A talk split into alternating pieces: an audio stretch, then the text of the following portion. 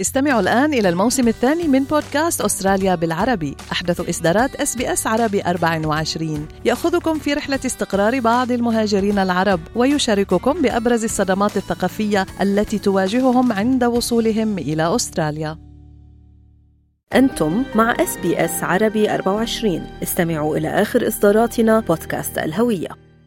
مع توجه معظم الأستراليين لاستخدام الإنترنت في تسيير أمورهم الحياتية من دفع الفواتير أو طلب جوازات السفر وإلى استخدام قنوات التواصل الاجتماعي أو تطبيقات المراسلة من أجل التواصل فإن الحكومة الفيدرالية تتساءل أين يأتي دور بريد أستراليا في أستراليا الحديثة. وتقول المؤسسة التي أنشئت منذ 214 عاما أنها تواجه مستقبلا غير مؤكد حيث تشهد خدمات إيصال الرسائل فيها تراجعا لا يمكن وقفه منذ عام 2008 ومع تراجع إيصال الرسائل تنمو أعمال توصيل الطرود بشكل مضطرد بفضل توجه الأستراليين للتسوق عبر الإنترنت.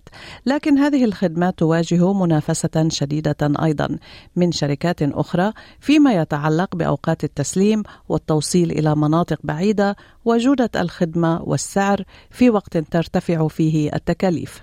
وفي ظل هذه الأزمة أطلقت الحكومة الفيدرالية يوم أمس عملية تشاور لتحديث عمل بريد أستراليا ودعم استدامته المالية على المدى الطويل. وقالت مؤسسة بريد أستراليا إن قسم توصيل الرسائل قد سجل خسائر بقيمة 190 مليون دولار في النصف الأول من العام المالي الحالي.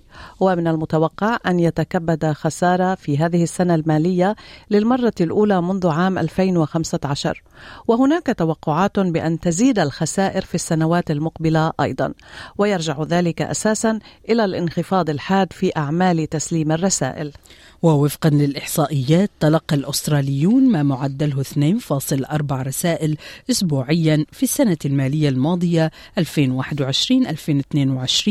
بانخفاض عن أعلى معدل سجل عام 2008 وكان 8.5 رسائل لكل منزل.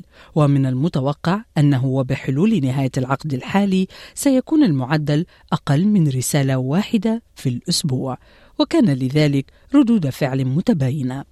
وتنظر مراجعة الحكومة في كيفية عمل المؤسسة وتتطلع إلى التركيز على إيصال الطرود عوضا عن الرسائل.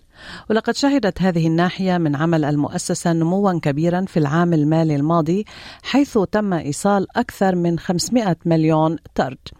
المدير التنفيذي لبريد أستراليا السيد بول جراهام قال إن التغييرات ضرورية لكي تبقى المؤسسة ربحية We're on a path towards significant losses uh, as Australians and the National Postal Service continue to change. We are an entirely self funded business. Uh, and so we do not want to become a burden on the Australian taxpayer. We look at a, a number of models. Uh, we've got pockets of our business today where we don't have enough people. Uh, so we continue to focus on making sure that Australia Post is financially viable. Uh, that's good for jobs and good for the community. We have started making changes to meet the challenges that we face, uh, but we want to hear from the community uh, about what they want and how we engage and chart our way forward as an essential service to that community. We are very aware of our significant service obligations. وتعمل مؤسسة بريد أستراليا ضمن أطر والتزامات وضع معظمها في الثمانينات والتسعينيات وتشمل تسليم الرسائل إلى 98% من المنازل كل يوم من أيام الأسبوع و99.7% على الأقل مرتين في الأسبوع. لكن الورقة الاستشارية الجديدة تقول إن هذه المتطلبات لم تعد مستدامة من الناحية المالية. من جهته يقول شاين ميرفي من نقابة عمال الاتصالات إن أي تغييرات في الخدمة البريدية يجب أن تحسن الخدمات ولا تضعفها. We are committed to the review of Australia Post in the interest of protecting the thousands of jobs of our members and the services they provide to the communities. We will not stand back and accept millions of dollars of bonuses being paid to executives at the same time the company faces significant financial pressures for the future. That will form part of this review moving forward, a delivery model trial at a delivery facility in Sydney at Hornsby that will commence in April, where rounds will be reviewed, where letter and parcel re- deliveries will be changed, and a trial will be put forward to see whether or not it's a way forward. جدير بالذكر أن عملية التشاور ستستمر حتى نهاية نيسان إبريل. لكن وزيرة الاتصالات الفيدرالية ميشيل رولاند تقول إن هناك تغييرا واحدا لن يتم النظر فيه وهو خصخصة المؤسسة. على الرغم من أنها اعترفت بأن إرسال الرسائل في أيامها الأخيرة. كما أنها أكدت على ضرورة الإبقاء على خدمة المناطق الإقليمية والريفية في عملية التحديث.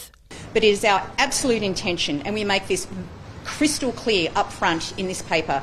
There will be no privatisation of Australia Post or any part of it, and servicing the needs of rural and regional Australia must be paramount in any modernisation process. We know that Australia Post will be there to deliver letters whenever they need to be delivered. The last letter, whenever that day comes, when the last letter is sent, it will be delivered by Australia Post. هذا التقرير من إعداد أيضا الزميلة دانيال روبرتسون ل SBS News ومن إعداد وتقديم إيمان ريمان وهناء ياسين ل SBS عربي 24 استمعوا الآن إلى الموسم الثاني من بودكاست أستراليا بالعربي. أحدث إصدارات SBS عربي 24 يأخذكم في رحلة استقرار بعض المهاجرين العرب ويشارككم بأبرز الصدمات الثقافية التي تواجههم عند وصولهم إلى أستراليا.